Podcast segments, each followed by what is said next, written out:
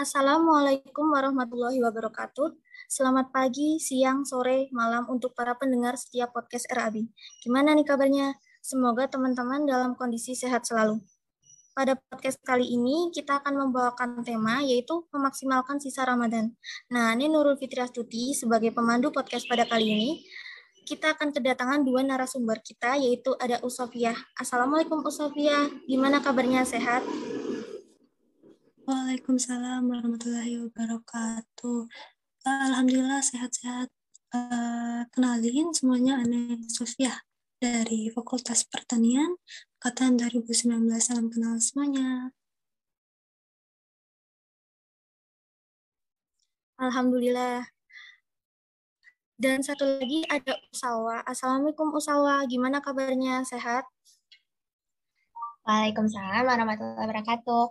Alhamdulillah, sehat banget. Kenalin juga Ane Salwa dari Fakultas Kedokteran Angkatan 2020. Salam kenal semuanya. Alhamdulillah. Nah, langsung saja Nah, langsung saja kita mulai untuk pembahasan kita. Yang pertama, menurut Osofia nih, makna dari bulan Ramadan itu apa sih?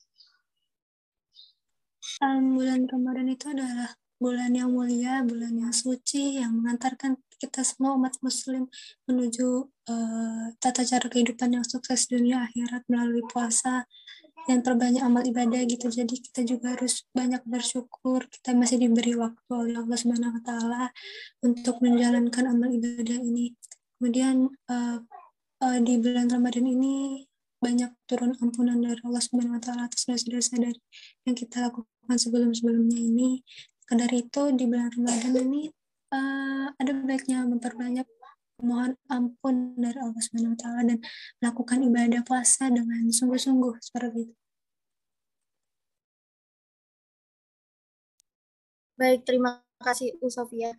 Lalu menurut Usawa, hal apa yang bisa membuat kita jadi semangat puasanya? Apalagi buat yang anak kos sendirian gitu uh, mungkin hal yang bisa bikin kita semangat puasa mikirin nanti tajil mau beli apa kali ya. Kalau dari aku sendiri sih, biar nggak kerasa capek puasa dan tetap semangat, salah satunya itu dengan menyibukkan diri sendiri. Jadi ngerjain tugas, nyelesain deadline. Soalnya kalau kita lebih banyak istirahatnya tuh biasanya lebih kerasa lapar dan lemesnya. Selain itu, harus rencanain buka bersama bareng teman-teman sih, pasti langsung semangat 45 puasanya. Baik, lalu untuk pertanyaan selanjutnya, perlu nggak sih buat goals di sisa bulan Ramadan? Buat Usofia nih pertanyaannya. Oke, okay, kalau goals di sisa bulan Ramadan ya, eh, yang pasti kita banyakin tingkatkan sholat-sholat sunnah gitu ya.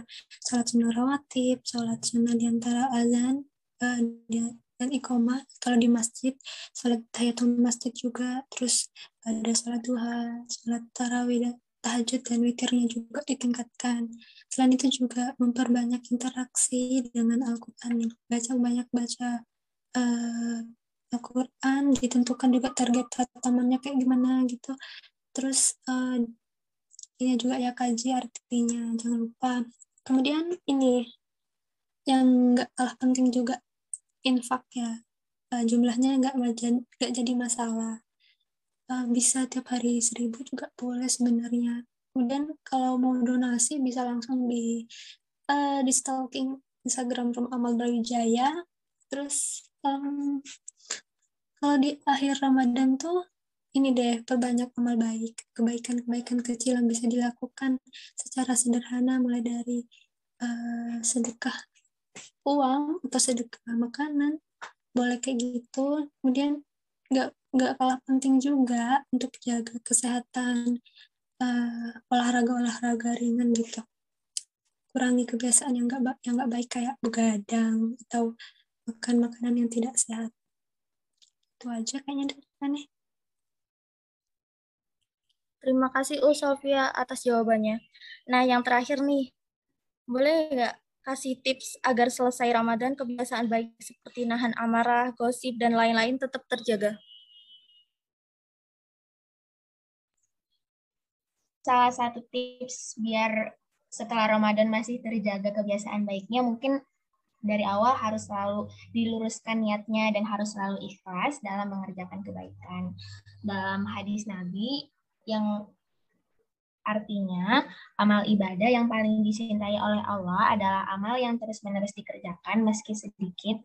Nah, dari hadis ini bisa diambil kesimpulan, salah satu contohnya misalnya seseorang yang sholat tahajud setiap hari meski hanya dua rakaat akan lebih dicintai oleh Allah daripada seseorang yang sholat tahajud 11 rakaat tetapi hanya sebulan sekali. Jadi semoga dengan kita selalu mengingat hadis ini, kita bisa jadi lebih semangat lagi berbuat baik, tidak hanya di bulan Ramadan, tapi juga di bulan-bulan lainnya.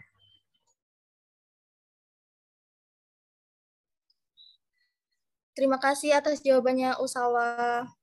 Wah, jadi banyak sekali ya manfaat dan hikmah di bulan Ramadan. Salah satunya kita bisa mendekatkan diri kepada Allah Subhanahu wa taala dan melakukan hal positif lainnya. Mungkin cukup sekian dari podcast pada kesempatan kali ini. Bagi pendengar setiap podcast RAB, jangan lupa ikuti podcast episode-episode selanjutnya. Aneh dan juga dua narasumber kita pamit undur diri. Mohon maaf apabila ada kesalahan atau kesan yang kurang berkenan di hati teman-teman. Wassalamualaikum warahmatullahi wabarakatuh.